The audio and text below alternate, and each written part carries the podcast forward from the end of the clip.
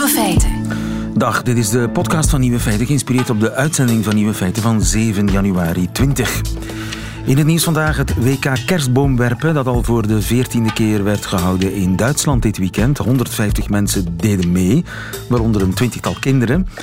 Drie disciplines zijn er: werpen als een speer, slingeren als een kogel en omhoog gooien over een lat.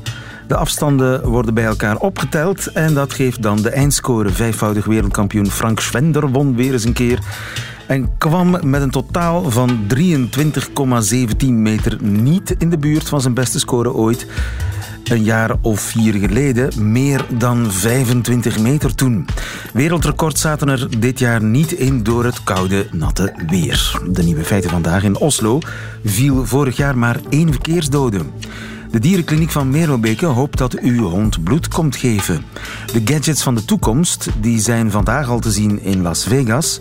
En een satirisch kinderlied zet Duitsland op stelten.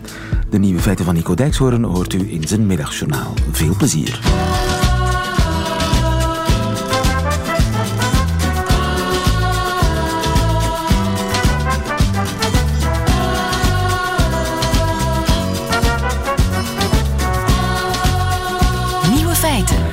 Hoeveel verkeersdoden zouden er vorig jaar in Oslo zijn gevallen, de hoofdstad van Noorwegen? Wel geteld één. In Antwerpen ter vergelijking 16. Antwerpen is ongeveer even groot als Oslo. 16 doden in eh, 2018, vorig jaar in Oslo 1. Waar zit toch dat verschil? Goedemiddag, Willy Miermans. Ja, goedemiddag. Meneer Miermans, u bent verkeersdeskundige. Dat ene slachtoffer zat in een auto in Oslo die tegen een tramhek is aangebotst. Dus geen enkele fietser is omgekomen, geen enkele voetganger is in het verkeer gesneuveld. En dat in toch wel een drukke hoofdstad, Oslo. 600.000, 700.000 inwoners. Je bent er geweest. Wat is je daar opgevallen? Wel, wat in heel Scandinavië, maar ook in, grote stukken van Nederland opvalt, dat is dat men op verkeersveiligheid eh, geen toegevingen doet. Hè. Dat is absolute prioriteit en dat zie je. En geen, toege geen toegevingen. Eh, hoe maak je dat concreet? Hoe bedoel je dat concreet? Wel, dat betekent dat verkeerslichten conflictvrij zijn afgesteld. Eh, dan krijg je geen dode hoekongevallen. Dat betekent dat er niet Wacht eens even, dat begrijp ik niet. Een conflictvrij afstellen van een verkeerslicht, zodanig dat je geen dode hoek krijgt. Hoe, ik, hoe bedoel je dat? Ja, nee, wij, wij hebben omwille van de doorstromingscapaciteit nog een, een heleboel verkeerslichtinstallaties waarbij vrachtwagens en, en, personenwagens rechtdoor, maar ook rechtsaf mogen, terwijl de fietser uh, en de voetganger ook groen krijgen op hetzelfde moment. Tuurlijk. En dan heb je natuurlijk daar, daar, daar krijg je conflicten natuurlijk. En dat heb je niet in Oslo? Nee, dat heb je dan niet. Uh, ze parkeren ook niet langs hoofdwegen uh, waar en auto's rijden, maar ook gefietst wordt. Dat langs parkeren dat heel vaak conflicten en onveilige situaties creëert, dat bestaat daar gewoon niet in. Ja. Terwijl bij ons allerlei toegevingen worden gedaan aan de realiteit. Ja, maar dat is niet haalbaar. In, in Oslo zeggen dat is wel haalbaar. Ja, bij ons is geen enkel politicus die zegt dat hij verkeersonveiligheid wil. Maar als je dan zegt, uh, dan gaan we ervoor, dan krijg je natuurlijk onmiddellijk de reactie, ja, maar de economie heeft ook een recht of de doorstroming mag niet te veel gehinderd worden. En dan doen wij toegevingen, ja. Doen ze niet in Oslo, maar uh, hebben ze daar dan niet te kampen met mensen die protesteren, die tegen al die ja, hele stringente maatregelen? Nee, want als je dat lang genoeg volhoudt, dit soort consequent uh, beleid, en dat ook zo communiceert en alle partijen gaan ervoor staan, dan heb je daar ook draagvlak voor. Hè? Dat magische woord waar uh, onze politici heel, zich heel vaak achter verschuilen. Ja. dus iedereen is het daarover eens. Hè? Je tolereert geen verkeersslachtoffers. Dat wil je gewoon niet hebben in een beschaafde wereld. Ja, maar bij ons mag dat minder kosten dan in Oslo, waar dat wel heel wat mag kosten. Want ja, als je niet mag parkeren in hoofdstraten, oei, uh, daar zijn toch winkels. Die, die winkels draaien toch op, op klanten die misschien wel met de auto moeten komen. Ja, maar uh, daar kan best nog geparkeerd worden, maar dan op wel aangeduide plekken en, en gebouwen en garages.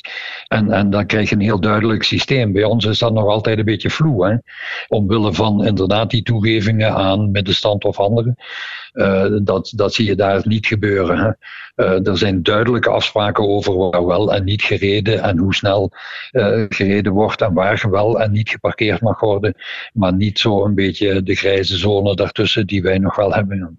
Ja, en dus alle mogelijke conflict situaties, gevaarsituaties vermijden. Het hele wegenplan en parkeerplan daarop uittekenen.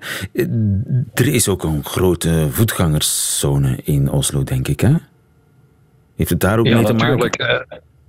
Uiteraard, uiteraard. Dus het gaat niet alleen over verkeersveiligheid, maar we gaan stappen verder in zaken ruimtelijke ordening, maar ook in zaken het verschuiven van wat wij dan noemen in verkeerstermen de modal split. De verhouding tussen aantal voetgangers, fietsers, openbaar vervoergebruikers en auto's. En, en die eh, verhouding ligt daar veel gunstiger. Hè? Dat ligt daar op een derde, een derde, een derde. Uh, dus een derde fietser, voetganger, een derde openbaar vervoer gebruiken, dat is tram en bus. En een derde auto. En bij ons zit je nog heel vaak boven de 60% autogebruik in de centra. En dat voel je natuurlijk door de grote getallen. Is iedereen ook. Uh, uh, iedereen, ik bedoel daarmee elke autogebruiker, weet ook dat hij met massa's voetgangers en fietsers geconfronteerd wordt. En is daardoor ook veel voorzichtiger. De snelheid is trouwens overal zeer laag. Hè. Ja. Zou, je, zou je eigenlijk gewoon kunnen zeggen, we gaan het Oslo-systeem toepassen op Antwerpen, de stad van ongeveer dezelfde omvang, zou dat kunnen? Mochten we echt willen? Natuurlijk, als we zouden willen, dan, uh, dan kunnen we dat uh, gemakkelijk invoeren. Waarom niet? Gent, Leuven, Mechelen zitten al heel sterk op die lijn. Uh, Antwerpen volgt uh, op zekere afstand, maar er is geen enkel probleem om wat te doen. Je doet daar trouwens economisch uh, geen pijn mee. Hè? Integendeel, trage rijden over de hele lijn, dat betekent 30 in woongebieden en 50 op de hoofdassen. Maar dan moet je dat parkeren eruit halen en die conflicten. dat is op zich gemakkelijk te realiseren. En je hoeft niet eens naar Scandinavië te gaan. Bij mij in de achtertuin, uh, Maastricht, doet dit al decennia. Daar kan je nergens harder dan 50, ook op de hoofdwegen niet. En Maastricht zit ook al jaren aan een zeer laag ongevallencijfer. Uh, ongeveer twee doden per jaar, uh, wat zeer goed is. Zelfs in Nederland, maar dat is niet zo exotisch als Scandinavië. Ja. Kort samengevat, niet marchanderen. Niet, geen compromissen zoeken. Nee, dat doe je niet. Uh, en ik, ik, wil daar nog iets aan toevoegen. Hè. En een van de beleidspunten die ook de ouders voor verongelukte kinderen naar voren schuiven, dat is dat we politiek zouden moeten inzetten op het niet verkopen van uh, zware voertuigen, de SUV's, die in stedelijke contexten absoluut niet wenselijk zijn, omdat ze zo onveilig zijn. Ja. Hoe doet Oslo dat? Eén verkeersdode vorig jaar ter vergelijking in Antwerpen 2018-16. Willy Miermans, dankjewel. Goedemiddag. Dat is graag gedaan hoor. Dag.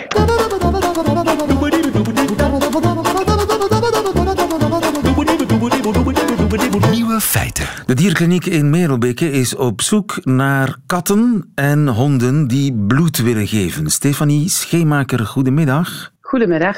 U bent eh, dierenarts van de dierkliniek in Merelbeke. Ik wist niet eens dat honden en katten dat konden, bloed geven.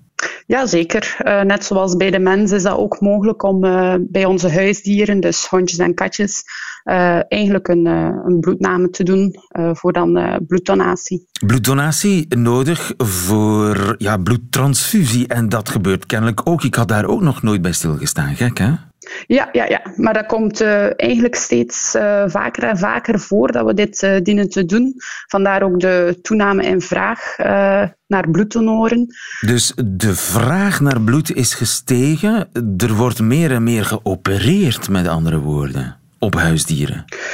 Uh, dit heeft er eigenlijk weinig mee te maken. Het is niet door toename in operaties, het is eerder door uh, toename in vraag uh, door de eigenaar dan naar dergelijke zorgen dat dit meer gebeurt. Wacht, dus zeg, nu snap ik het niet. er is geen toename in operaties, maar wel toename in de vraag. Je hebt het toch alleen maar nodig voor, voor, voor operaties, transfusie? Nee, nee, absoluut niet. Uh, het is effectief wel zo bij operaties als er grote bloedverliezen zijn, dan hebben we zeker bloedtransfusies nodig. Maar het kan bijvoorbeeld ook bij honden die binnenkomen met een, een rattengifintoxicatie um, of uh, ja, honden die een bepaalde uh, auto-immuunziekte hebben, dus een ziekte van het afweersysteem die de bloedcellen aanvalt. Daar hebben we dit ook zeer vaak bij nodig. Ah, dus ja. dat zijn eigenlijk dieren die geen operatie hebben ondergaan zelf. En ja. vroeger zou de dierenarts in overleg met het baasje gezegd hebben van uh, laat het dier maar gaan. Terwijl nu, nee, we moeten Nee. dit dier redden. Ja, het is eerder zo dat uh, de opties worden altijd wel besproken met de eigenaar, maar uh, vroeger was dat minder. Uh, allee, er is een verandering in, in perspectief ook van, van baasje naar, naar het dier toe. Dus nu gaat men al sneller zeggen van ja, we willen deze verdergaande zorgen zeker, zeker toedienen bij ons. Juist, dier. terwijl vroeger Dus gezegd is werd, laten we hem een spuitje geven. Ja, eerder in dat opzicht. ja. Ja, En dus mensen hebben meer en meer over voor hun eh, huisdier. En dus is er meer en meer eh, bloed nodig. Hoe lang bewaart dat? Hebben jullie een soort reserve? Wij hebben zeker een eh, reserve. De duur van bewaring is een beetje afhankelijk van over welk bloedproduct het gaat. Ehm, maar een maximum bewaringstijd is een jaar van het, het eh, meestere oude bloedproduct. En tot nu toe kwamen jullie aan bloed door ja, vrienden en kennissen op te trommelen? Eh, eerder door mond-aan-mond reclame ook. Ehm, soms patiënten die hier komen, eh, die dan ook een bloedtransfusie hebben gekregen en die dan verder vragen van, van waar komt dit bloed, die dan op die manier hun kennissen optrommelen van kijk, dit kan helpen om dieren te redden. Ehm, dus op deze manier vooral en dan uiteindelijk eh, ja, beginnen via, via Facebook, via de website ook eh, wat Ja. meer reclame te maken. Maar het is nog niet zo Ja. bekend dat het kan en dat het nodig is. Kan een Deense dog bloed geven aan een Pekineesje? Eh, het ras van het dier maakt niet uit. Het is eigenlijk algemeen, honden kunnen aan honden bloed geven en katten aan katten. Ah, ja. Maar we gaan niet, eh, ze niet kruisen met elkaar. En eh, hebben honden bloedgroepen, zoals mensen? O-positief en A en hoe heet het allemaal? Ingewikkeld? Jazeker, jazeker. Eh, maar dat wordt dan anders genoemd. Dus eh, zowel honden als katten hebben elk hun bloedgroep variaties. En dat is ook belangrijk bij eh, de, de bloeddonatie die we doen.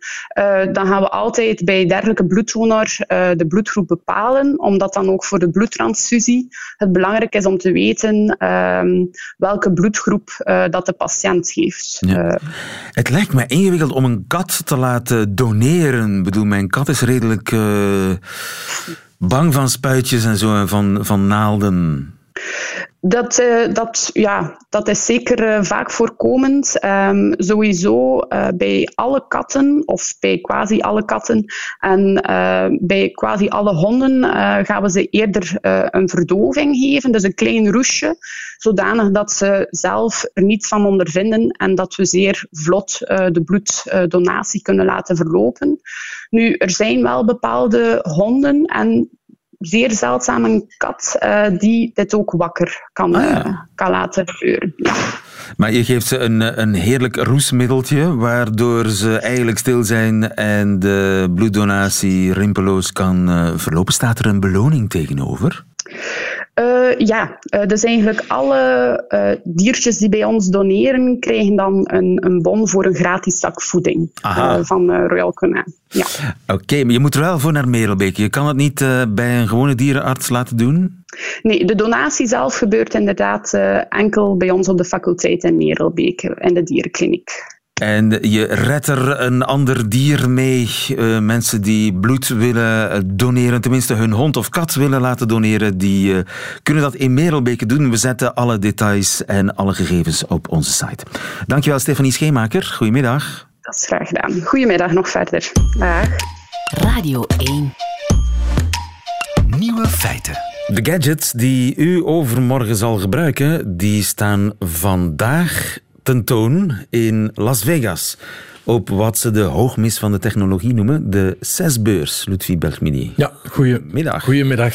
De techman van eh, VRT Nieuws. Het is gigantisch, hè, die beurs? Wel, het is echt gigantisch. Uh, de place to be op dit moment als je voor Duizenden alle, exposanten? Alle gadgetliefhebbers. Ja, ik heb wat cijfers opgezocht. 4500 exposanten. 200.000 bezoekers, bijna 200.000 bezoekers. En als je weet, lieve, um, CES is geen beurs die toegankelijk is voor het brede publiek, zoals de autosalon bij ons. Dus het zijn bijna allemaal mensen uit de business, ontwikkelaars, mensen die uit de technologiewereld komen, en journalisten, influencers. En ook grote namen, hè, grote namen uit de technologie, die eigenlijk een beetje zoals popsterren zijn tegenwoordig. Ja, grote namen, maar ook ja, kleine namen. Mensen die iets willen proberen, die denken, ik heb iets uitgevonden, misschien is dat mijn ticket naar rijkdom, roem en succes. Ja, dat is de plek ook om, om je te tonen aan de wereld. Uh, men doet dat op verschillende manieren, hè, met, met toestellen, producten, die eigenlijk een beetje futuristisch lijken, maar die we nooit gaan gebruiken. veel dingen zitten in de afdeling goed geprobeerd. Wel ja, een, een van de mooie voorbeelden is van vorig jaar, is de FlexPy van Royoli. Uh, de ja. FlexPy, goede naam. Weinig mensen weten wat dat is, maar dat is een smartphone die je kan plooien. Nu, op het moment dat dat toestel werd gelanceerd, waren Samsung en Huawei eh, met een strijd bezig om uh, het eerste toestel te lanceren met een plooibaar scherm. Nu, Royole heeft die in snelheid gepakt en is zelf uh, gekomen met een toestel dat eigenlijk heel onhandig is. Een toestel dat ook veel te duur is. niemand gebruikt dat toestel, maar iedereen weet wel ondertussen wie of wat Royole is. Nu, dit jaar proberen ze dat opnieuw te doen met een cilindervormige speaker, met een scherm dat volledig gebogen zit uh, rond de speaker. Een cilindervormig scherm lijkt me niet echt handig. Niet echt handig, ja. Weinig mensen gaan dat uh, gebruiken. Hè. Daarnaast zijn er ook wel een aantal leuke gimmicks. Hè. Robots, heel veel robots.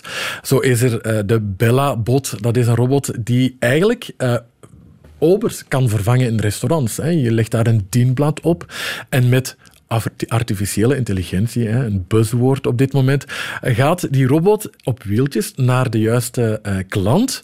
Bovenaan is er een scherm met een, een, een kat die geluidjes maakt. Heel grappig. Er is ook Wheel Me. Dat zijn ontwikkelaars en bewieletjes gemaakt die je onder meubels kan zetten. En als je thuis zit, lieve, en je bent veel te lui om met je zetel te komen, kan je je tafel naar u laten komen in plaats van zelf naar je tafel te gaan. Echt wat ik nodig heb.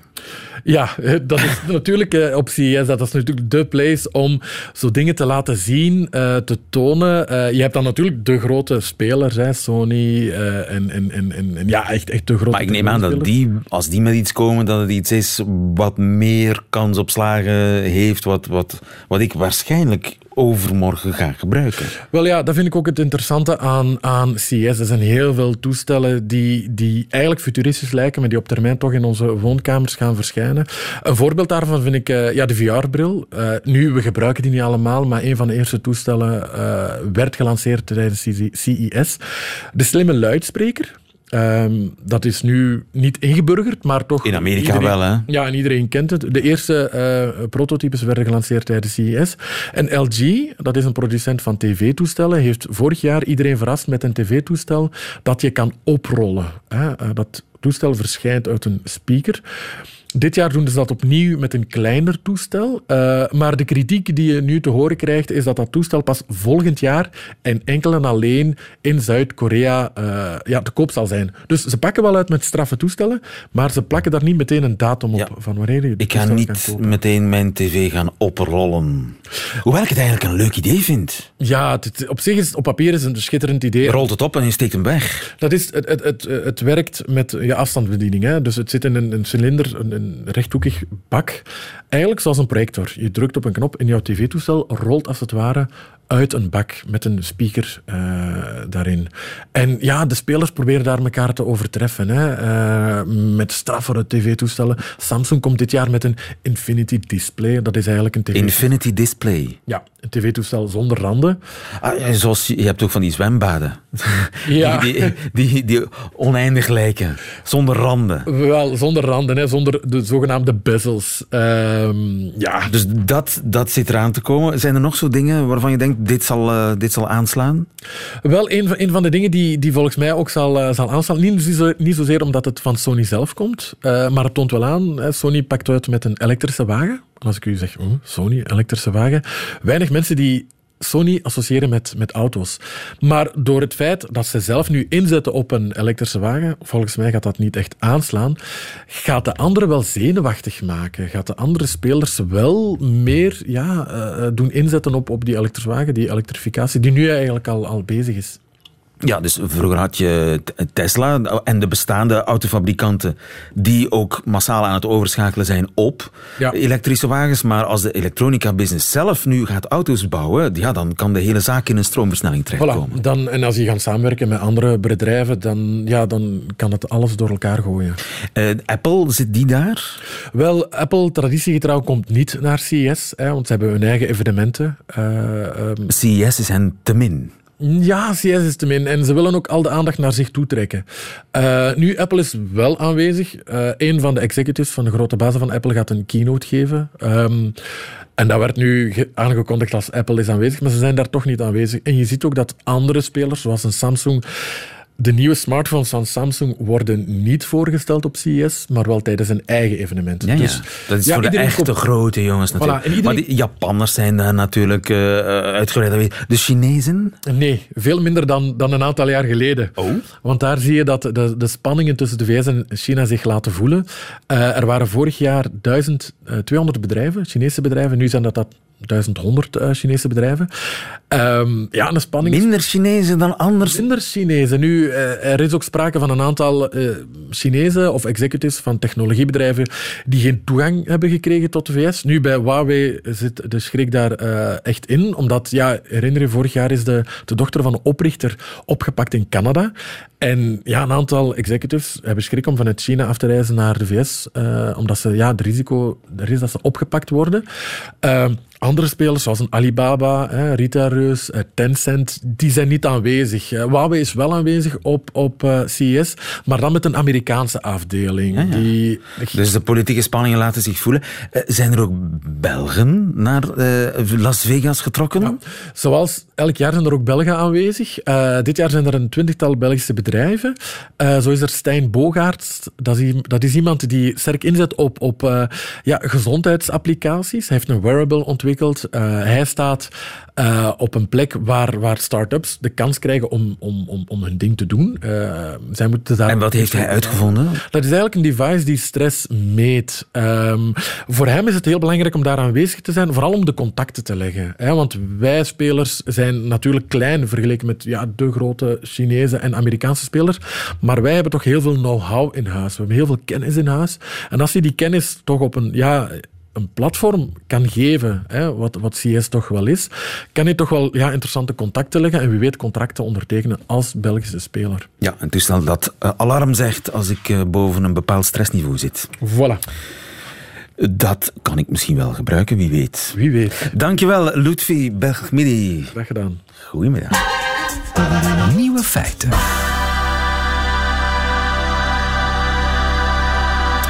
Duitsland staat op zijn kop door dit kinderliedje.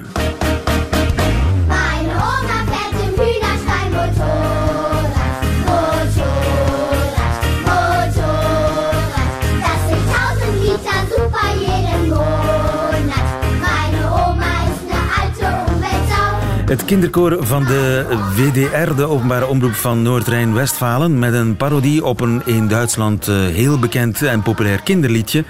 Vrij vertaald mee mee op de moto naar het Kiekenkot. Jurt IJsvogel, goedemiddag. Hallo, goedemiddag. Je bent onze man in uh, Duitsland, een uh, fikse ruil door een simpel kinderliedje. In die nieuwe versie nemen de koormeisjes een hele generatie oma's op de korrel, hè? nou, zo'n hele generatie oma's op de korrel nemen, maar zo is het wel, zo is het wel uitgelegd. Ja. En in oorspronkelijke liedje ging het ook al over oma. En, en nu is dus oma dit lied een omweltzau. Een omweltzau en een milieuzeug. En dat is een zwaar woord natuurlijk. En wat zingen ze nog allemaal? Elke maand duizend liter super. Mijn oma is een milieuzeug. Wat doet oma nog allemaal in het liedje? Ja, dus ze, ze, rijdt op de motorfiets en ze rijdt, ze rijdt bejaarde opa's met een rollator van de sokken. Ze, ze koopt iedere dag in de, in de discount supermarkt coteletjes. En, en ze vliegt weliswaar niet meer. Ook al niet goed. En ze vliegt wel niet meer, maar ze gaat dan wel met, met cruises mee. Dus nou ja, oma is, is toch eigenlijk een, een, een milieuvervuiler, een klimaat, en een vijand van het klimaat eigenlijk. Dat is de boodschap van het liedje. Ja, een Umweltsau. En het eindigt zelfs met een boodschap van Greta Thunberg zelf. Hè? We will not let you get away with this. Ja. Ja, wel, dat, dat is een, een audiocitaat. Ze, heeft niet, ze heeft daar niet bij het koor gestaan mee te zingen. Maar dit is uit een, uit een eerder uitgesproken ehm, zin van haar. Ja, het lijkt een uh, grap, een, een, misschien zelfs geslaagde grap, wie weet, uh, satire. Maar de, veel mensen hebben het niet gesmaakt. Nee, het, kijk, het punt is dat, dat die hele klimaatkwestie is natuurlijk omstreden. Uh, dat is een politiek gevoelig iets. Dus daar, daar sprongen mensen op aan. En dat dan een kinderkoor hier, uh, uh, onschuldige kindertjes zeg maar, uh, een politiek gevoelig thema aansnijden. Hoewel het natuurlijk ja, allemaal een grap is en eigenlijk lichtvoetig. Bij sommige mensen schoot het in een verkeerde keelgat. En hoe gaat het dan op Twitter? Ontstaat er een heel kabaal. politici beginnen zich erin te mengen en noemen het onacceptabel, zoals de eerste minister van Noord-Rijn-Westfalen zei. het, het generatieconflict zou hierdoor worden aangezwengd, opgeport. Kortom, het was binnen de kortste keren een, uh, inderdaad een hele gel. Ja, en hoe reageerde uh, de omroep daarop? Nou, de, de, de, eigenlijk nogal geschrokken. Dus de WDR, het is de publieke omroep. Hè, die, die, ja, die hebben het meteen, het was het op internet geplaatst, meteen van, uh, van de website gehaald. En de directeur heeft ook meteen zijn excuses aangeboden en gezegd dat het een fout was. Uh, nou ja, dat, dat was een, weliswaar een snelle reactie, maar daarmee was de storm helemaal nog niet voorbij. Want er waren ook allerlei mensen die zeiden van ja, wacht eens even. Uh, een, parodie, een, een, een, liedje. En dan gaat, uh, kan er dan niks meer. Hè, als de directeur hiervoor zijn excuses gaat aanbieden en dit, dit van, de, van de website haalt. Dus de voorstanders van de vrije meningsuiting waren dan plotseling ook heel boos. Die waren, althans een aantal waren ook heel boos. En uh, nou ja, het werd dus ook een, een beetje een links-rechts discussie. De publieke omroep staat hier in Duitsland ook onder felle kritiek van, zeker van extreemrechts. Uh, die vinden dat de publieke omroep te links is. En die houden er niet van dat je verplicht, als je een televisie hebt, je omroepbijdrage moet betalen. Ook al, al wil je er niet naar kijken. Um, dus die grepen dit ook aan om nog eens even flink de publieke omroep de mantel uit te vegen. En die zijn natuurlijk ook heel kritisch over uh, de, de, de jongeren die uh, van school spijbelen voor het klimaat. En die vonden dit een schandelijke inmenging in, in een politiek debat, misbruik van de kinderen. Uh, ja, en meer, meer linkse mensen zeiden: ja, dit, dit, uh, dit is parodie. En, en als, de, als de omroep zich uh, zo gaat opstellen, wat, wat kunnen we dan nog meer verwachten? Ja. Er zouden als journalisten van de WDR doodsbedreigingen hebben ontvangen. Klopt dat? Ja, dat, dat weet ik zelf niet. Het schijnt zo te zijn. Er, is, er, dus ja, er stank een storm op. En hoe, hoe het dan gaat op Twitter, ja, dan, gebeuren er ook allerlei hele, hele ernstige dingen, bedreigingen en dergelijke. Voor een deel was het ook op Twitter een grote hit, omdat het ook een beetje grappig was. Hè. Het werd ook Oma Gate genoemd. En uh, nou ja, dus iedereen moest er een beetje op lachen. Maar niet, niet iedereen. Dus ook bijvoorbeeld de vicevoorzitter van de Bondsdag, Kubici van de FDP, Liberale Partij. Hè, die vond het ook schandelijk misbruik van die kinderen. En dit deed aan de ja. DDR denken en zo. Dus dat is, dat is uh, nou ja, het, het, is niet helemaal te bagatelliseren. En je moet ook zeggen dat wat er ook bij komt, dat woord zou en alte zou, dat is een, dat is een oude zeug. Ja, dat is, een, dat is nogal een zware term. Hè. Dat, is niet, dat is niet heel vriendelijk. Ja. Dus de, de directeur van de, van de omroep van de WDR, die zei ook dat, die door hond, dat zij door honderden mensen gebeld zijn die zich hieraan gestoord uh, hebben en die zich gekwetst voelden, uh, oudere mensen. Nou ja, dat, dat weet ik niet, maar dat, dat zei hij. Uh, aan de andere kant, de komiek Jan Beumerman, die bracht er weer tegen in. Die zei, nou ja, als iemand echt iedere avond een, uh, een cotelet van de discount supermarkt koopt en praat, dan, uh, nou ja, dan, dan is hij een omweltzaal. Is het gewoon waar? Ja. Dat is misschien een hard woord, maar gewoon waar. Het zegt iets over het klimaat, ook in Duitsland hè, vandaag. Er mag niet zo gek veel meer gezegd worden. Je nou ja, ik, ik geloof dat niet zo. Er mag van alles gezegd worden. Maar het is de, inderdaad, er ontbrandt al snel een relletje. Dat is waar. Zeker als je die ingrediënten bij, elkaar neemt van iets van een. Van een hè, want er wordt natuurlijk in de generaties verschillend over het klimaat gedacht. Dat is één ding. Je hebt die publieke omroep die omstreden is, waar we het over hebben gehad. Uh, en dan heb je nog uh, ja, sowieso de, de, de oud-jong confrontatie. Uh, en, en, en überhaupt is ja eigenlijk uh, goede parodie maakt, doet ook soms een beetje pijn. dus dat speelde je ook mee. En het was wel, het was wel een rel, maar het, het, uh, het land gaat er niet aan ten onder. Er zijn, er zijn ernstige crisis geweest de afgelopen jaren. Ja, ze zullen bij de WDR zich in het vervolg wel twee keer bedenken als ze nog zoiets proberen. Dankjewel in Duitsland, Jurt IJsvogel, onze man in Duitsland. Goedemiddag. Nieuwe feiten. Wat waren ze de nieuwe feiten van 7 januari? Alleen nog die van Nico Dijkshoorn heeft u te goed. U krijgt ze in zijn middagjournaal. Nieuwe feiten. Middagjournaal. Beste luisteraars. Gisteren was ik bij de tandarts. Ik zal daar niet al te lang over uitweiden. Daar zit helemaal niemand op te wachten, denk ik, een thematische tandartsweek in het middagjournaal. Ik zou zelf ook niet een hele week gaan zitten luisteren naar iemand die vertelt hoe er een niersteen uit zijn lichaam is gevist. Maar ik wil er toch wel één ding over kwijt. Mijn tandarts, die stelt mij steeds allemaal vragen als ik mijn mond vol met beugels en tangen heb. Ik kan alleen maar grommend antwoorden. En het gekke is, blijkbaar vindt mijn tandarts dat genoeg. Het vreemde is ook dat ik probeer om aan mijn manier van grommen te laten horen wat ik hem antwoord. Dat is best lastig. Gisteren vroeg mijn tandarts wat ik van de politieke situatie in Irak en Iran vond. En ik heb daar, met een klem op mijn kaak en met een mond vol met vloeibaar rubber, grommend op geantwoord. Ik denk, ik denk zelf dat het iets met mijn ogen te maken heeft. Ik kijk blijkbaar als een heel lief diertje. Als mensen mij zien, beginnen ze tegen me te praten terwijl ik juist bekend sta als iemand die mensen het liefst met een stuk hout in hun nek wil slaan als ze lange domme verhalen gaan staan vertellen. In supermarkten zwerf ik bij voorkeur eenzaam en doodstil langs de groenten en de vleeswaren. Maar letterlijk iedere keer beginnen vrouwen, vooral vrouwen, tegen mij aan te praten. Eergisteren nog heb ik een kwartier lang staan luisteren naar een verhaal over de genezende kracht van aubergines. En dat verhaal dat ging dan naadloos over in een verhaal over haar zoon, die nu op een kibbutz werkte in Israël, waar hij dan weer een leuke vriendin had ontmoet, et cetera, et cetera. Ik wilde dat dus helemaal niet weten. En nu loop ik daar zelf ook mee in de ronde. Ik denk een paar keer per dag is die jongen wel echt gelukkig. Samen sinaasappelen plukken in Israël met een vrouw die die helemaal niet kent. Maar ik, ik ken hem ook helemaal niet. En dat komt allemaal door dat domme gebabbel van zijn moeder. Het allerergst, luisteraars, is het in liften. Met zes mensen in een lift staan en dat dan iemand naast mij heel hard vraagt: Die schoenen, waar hebt u die gekocht? En dat dan iedereen naar je schoenen staat te kijken. En dat ik dan zeg: Ze zijn van mijn dode vader, gisteren overleden. En daarna die heerlijke ongemakkelijke stilte.